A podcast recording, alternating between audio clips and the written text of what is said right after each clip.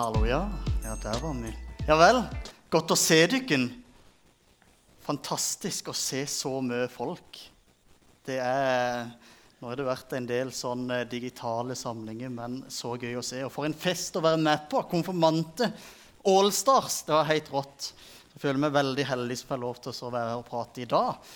Mitt navn er Daniel Aasen, og jeg skal i dag eh, tale om temaet et fellesskap i skyggen av et kors. Og Det betyr at korset er et grunnlag eller et fundament for det fellesskapet som vi er her i kirka. Og Vi skal se på noen vers fra 1. Peters brev etter hvert. Men jeg skal starte med å sette oss inn i taleserien vi er inne i nå, om det å være en minoritet. Vi har ført flere perspektiver om det å være en minoritet, en kristen minoritet. De kristne har gått fra å være en majoritet med en statskirke og ha makt, til å være en av samfunnets minoriteter. Vi har hørt tidligere i taleserien at vi skal kjempe for kristenverdier, med kristenverdier. Vi har hørt hvordan Daniel i løvehula fortsatte å tilbe selv om han møtte motstand. Og vi har hørt noe om utfordringene med det å være en kristen i et samfunn med verdier som utfordrer de kristne verdiene. Og Det har vært nevnt at vi lever i et postkristent samfunn. Og Det betyr egentlig at vi er et etterkristent samfunn, eller at vi er gått fra å være en majoritet som kristne til å være en minoritet som kristne. Og Jeg vil se på noe av det positive sidene med det å være et postkristent samfunn. Og jeg vil forsøke å se noen perspektiver for åssen vi kan være kristne i et den typen samfunn. Jeg er stolt av landet mitt. Jeg er stolt at det er godt for mange å bo her. Jeg er stolt av at vi på gudstjeneste kan takke for landet vårt, og at vi har mye å takke for. Og jeg er stolt av at norske arbeidstakere er villige til å betale 20-30% av lønna si med formål for å fordele godene der de trengs. Jeg er stolt av at de pengene ikke gjenger til et utvida palass til kong Harald, men at vi er en regjering som sier at de pengene skal gagne vanlige folk. Det er godt å bo i et sånt land. Og når jeg ser til høyre her oppe Da må jeg jo gå ned sånn, faktisk. Men der ser jeg et eldresenter. Eller et omsorgssenter. Ser jeg til venstre der, så ser jeg Vennesla videregående skole, som tilbyr gratis utdanning for, for bygdas unge. Rett videre der så er Vennesla ungdomsskole og barneskole.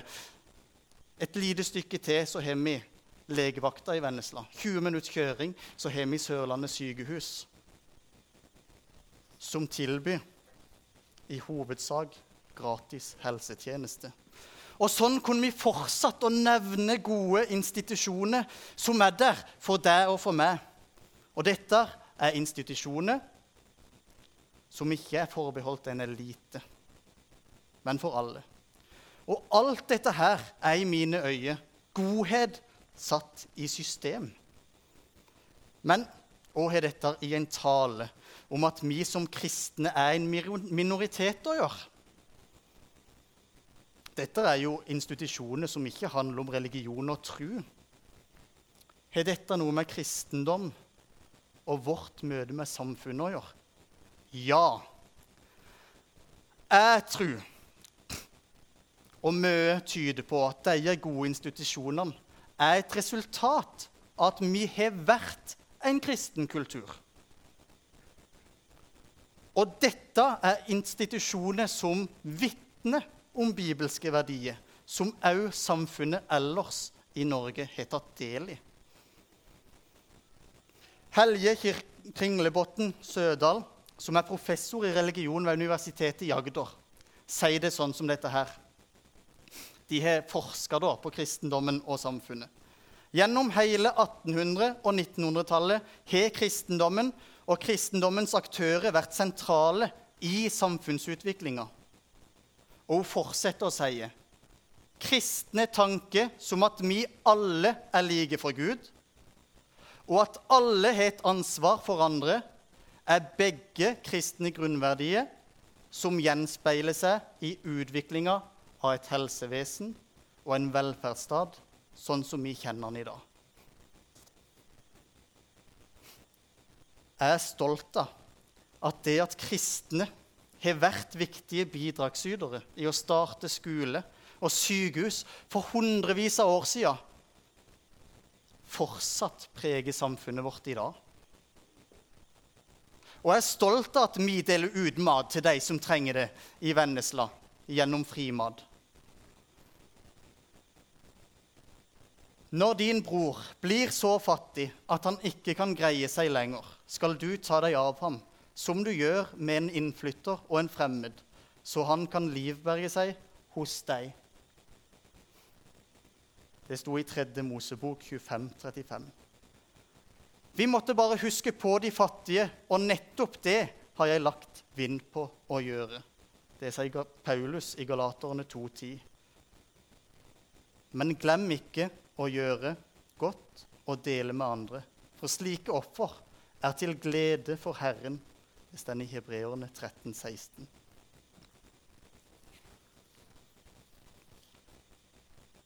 Hans Nilsen Hauge som var en sentral skikkelse i kristendommens påvirkning og på det norske samfunnet på 1800-tallet. Han mente at i Norge skal ingen trenge å behøve å tigge. Ingen skal trenge å lide nød. Ingen skal trenge å mangle arbeid. Og det jobber han for. Og dette er tanker og verdier som har vært kjempa fram av kristne i samfunnet vårt. Og det er ingen selvfølge at det er noe som samfunnet vårt i helhet har arva som verdier. Vi har de siste årene blitt en minoritet, men vi er en minoritet i et samfunn som deler mange av de gode verdiene med oss. Og det må vi ikke glemme. Vi deler fortsatt mange gode verdier med de vi jobber med, og de vi studerer med og gjenger på skole med. Og mye av de verdiene har rod i kristne verdier som har prega Norge over lang tid. Jeg har skjønt at jeg var i ei ganske solid sånn kristenboble da jeg bodde i Vennesla. Og det er litt pinlig å si det, for, det, for det da jeg flytta til skumle, farlige Oslo, så ble jeg overraska over at jeg møtte så utrolig mye fine folk som ikke var kristne. Er det mulig? Det var jo så mange som deltok i frivillig arbeid, og de rakk på ulike måter ut en hjelpende hånd til de som trengte det.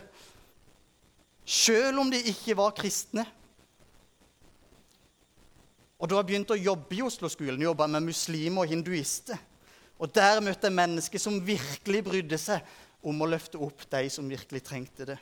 Og jeg ser gode verdier i det. Men nå har Kirka da å komme med når det er veldig mye godhet rundt forbi. Og vi skal da gå til oss og lese dagens tekst.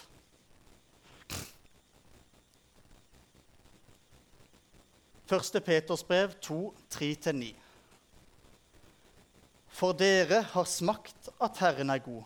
Kom til ham, den levende steinen, som ble vraket av mennesker, men er ut, utvalgt og dyrebar for Gud, og bli selv levende steiner, som bygges opp til ånd, et åndelig hus. Bli et hellig presteskap og bær fram åndelige offer, som Gud tar imot med glede ved Jesus Kristus. For det heter i Skriften.: Se, på Sion legger jeg en hjørnestein, utvalgt og dyrebar. Den som tror på ham, skal ikke bli til skamme. Altså blir den til ære for dere som tror. Men for dem som ikke tror, er steinen som bygningsmennene vrakte, blitt hjørnestein, en snublestein og en klippe til fall. Fordi de ikke er lydige mot ordet, snubler de. Det var de også bestemt til. Men dere er en utvalgt slekt, et kongelig presteskap, et hellig folk, et folk som Gud har vunnet, for at dere skal forkynne hans storverk. Han som kalte dere fra mørket og inn i sitt underfulle lys. Og i denne teksten denne rommet mye. Men eh, jeg vil spesielt se nærmere på hva det vil si å bli et hellig presteskap og et kongelig presteskap. Åssen kan vi være et hellig og kongelig presteskap? Til tross for at den menigheten Peter skriver om, er under lidelse. Peter nevner i dette brevet her lidelse 16 ganger. Så det er ikke ei kirke som var et sted hvor det var enkelt å være kristen. Så sier Paulus videre dette bare et par vers seinere. Eller Peter. Unnskyld. Dere skal for Herrens skyld underordne dere enhver myndighet blant menneskene. Enten det er keiseren, den øverste eller landshøvdingene, som han har utsendt. De skal straffe dem som gjør det onde, og rose dem som gjør det gode. For det er Guds vilje at dere ved å gjøre det gode skal stoppe munnen på uforstandige og tankeløse mennesker. Så Det står altså at disse her skulle underordne seg myndighetene de som styrte. Og det er veldig lite som tyder på at de myndighetene i noe særlig grad styrte etter kristne prinsipper. Men menigheten blir likevel oppfordra til å underordne seg. Det er lite som tyder på at Peter så fortsatt kristne skulle bli en styresmakt og råde over de utenfor kirka. Derimot, gjennom gode gjerninger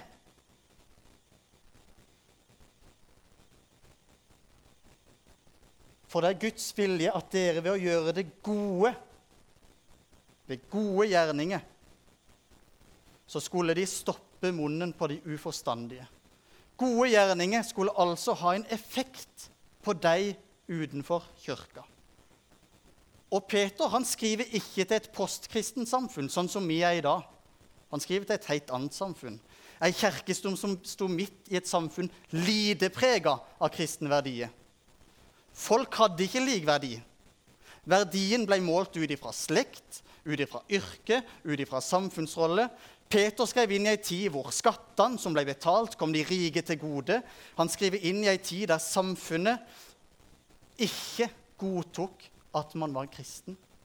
Han skrev opp inn i ei tid eh, der de kristne lider. Og som sagt, 16 ganger blir lidelse nevnt. Han skriver inn i et samfunn som bare preger seksuell utukt og umoral. Han skrev inn i et samfunn hvor de svake i liten grad ble tatt hånd om.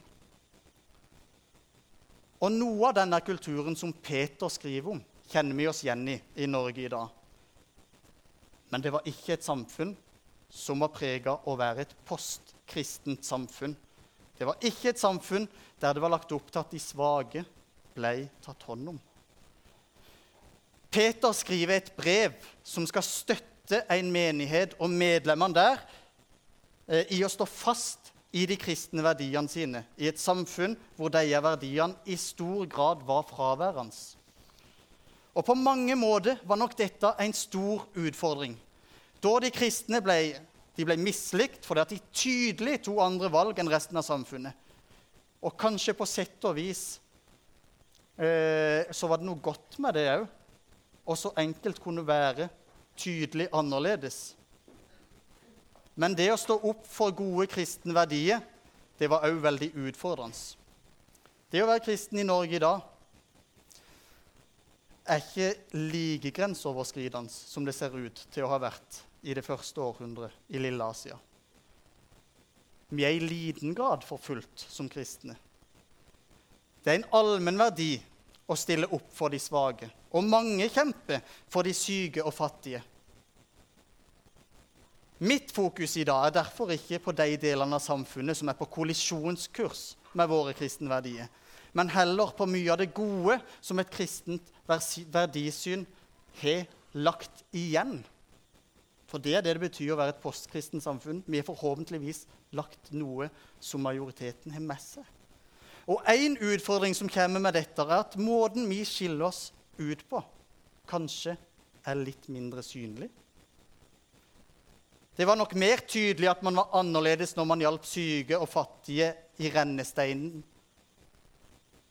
i det første århundret, når det var få andre som gjorde det, enn når vi i dag hjelper syke og fattige i et samfunn som ofte har det samme målet.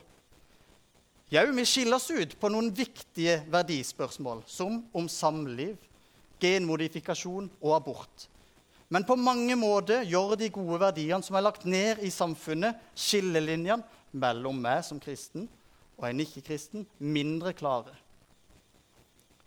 Mitt bidrag til Kirkens Nødhjelp det ser veldig likt ut på min ikke-kristnes nabos eh, bidrag til Røde Kors. Å være frivillig i Vindbjart det ser veldig likt ut på å være frivillig i Krikk. Og landet vårt er preges fortsatt av mange gode verdier. Og jeg har stor tro på at mye av grunnen til at dette landet har så mange gode verdier, er at vi er bygd på noen kristne grunnverdier. Men åssen skal vi da som kristne skille oss ut? Og hva betyr dette for våre liv?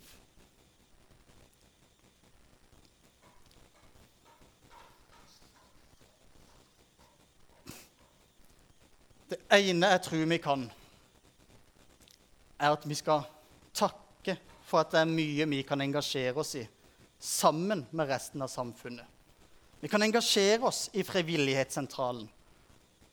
Bli med i Frimad. Bli med som trener i Vindbjart med deres gode verdier.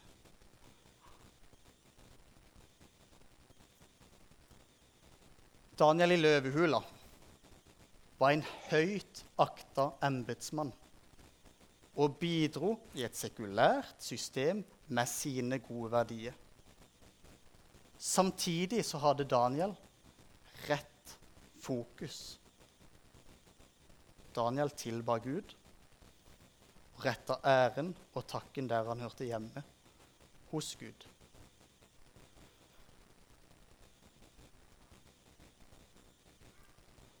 Jeg tror òg at vi skal stå opp for verdiene som er viktige for oss i våre forsamlinger.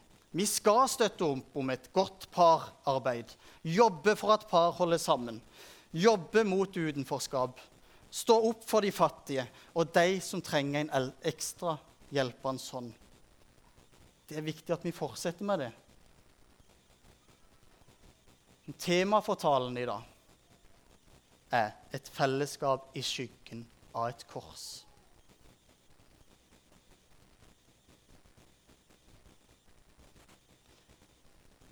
Her har vi et tydelig skille mellom oss og omverdenen. Vi har noe mer å gi enn mat og gode gjerninger. Ja, alt det er bra, og alt det bygger på gode kristne verdier.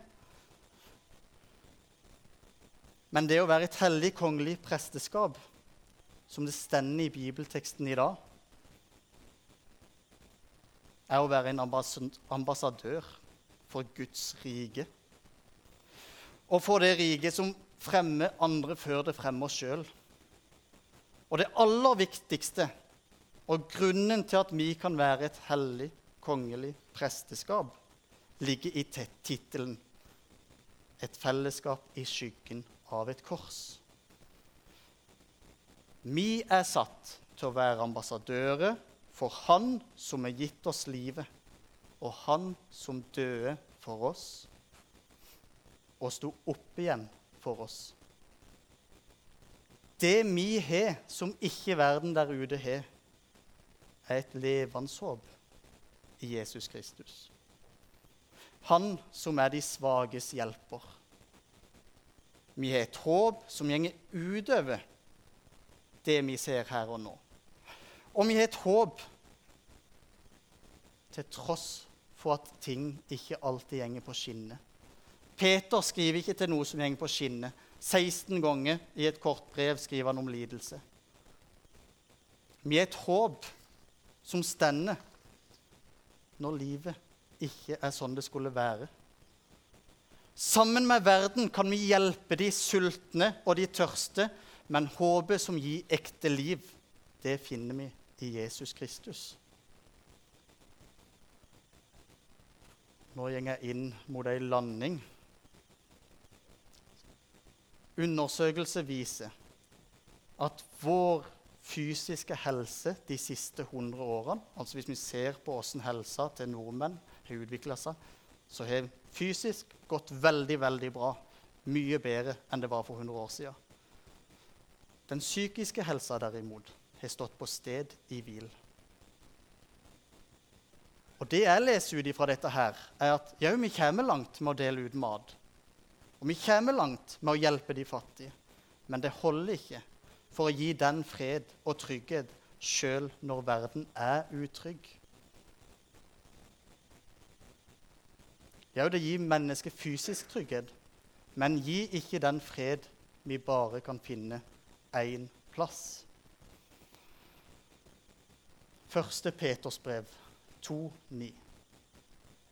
Men dere er en utvalgt slekt, et kongelig presteskap, et hellig folk, et folk som Gud har vunnet for at dere skal forkynne Hans storverk. Han som kalte dere fra mørket og inn i sitt underfulle lys. Vi må fortelle. Vi må formidle om det som skjedde på korset, som gir ekte fred. Kjære Gud, jeg takker deg for at vi bor i et samfunn som fortsatt er prega av gode kristne verdier. Og jeg ber deg om at du må hjelpe oss til å være kloke i møte med den tida som kommer. Jeg ber om at eh, vi må verne om de gode verdiene på en klok måte, og en måte som ærer deg. Jeg ber deg om at du må hjelpe oss til å se deg du ser. Jeg takker deg for konge, regjering, storting og domstoler. Og jeg takker for alle gode ordninger vi har i samfunnet vårt, som beskytter de svake. Og jeg ber om at du må hjelpe oss til å bli mer lik deg, og at vi som et heldig kongelig presteskap gir deg ære gjennom livene våre og i møte med samfunnet. Hjelp oss å gi videre det håpet som vi har fått i deg. Amen.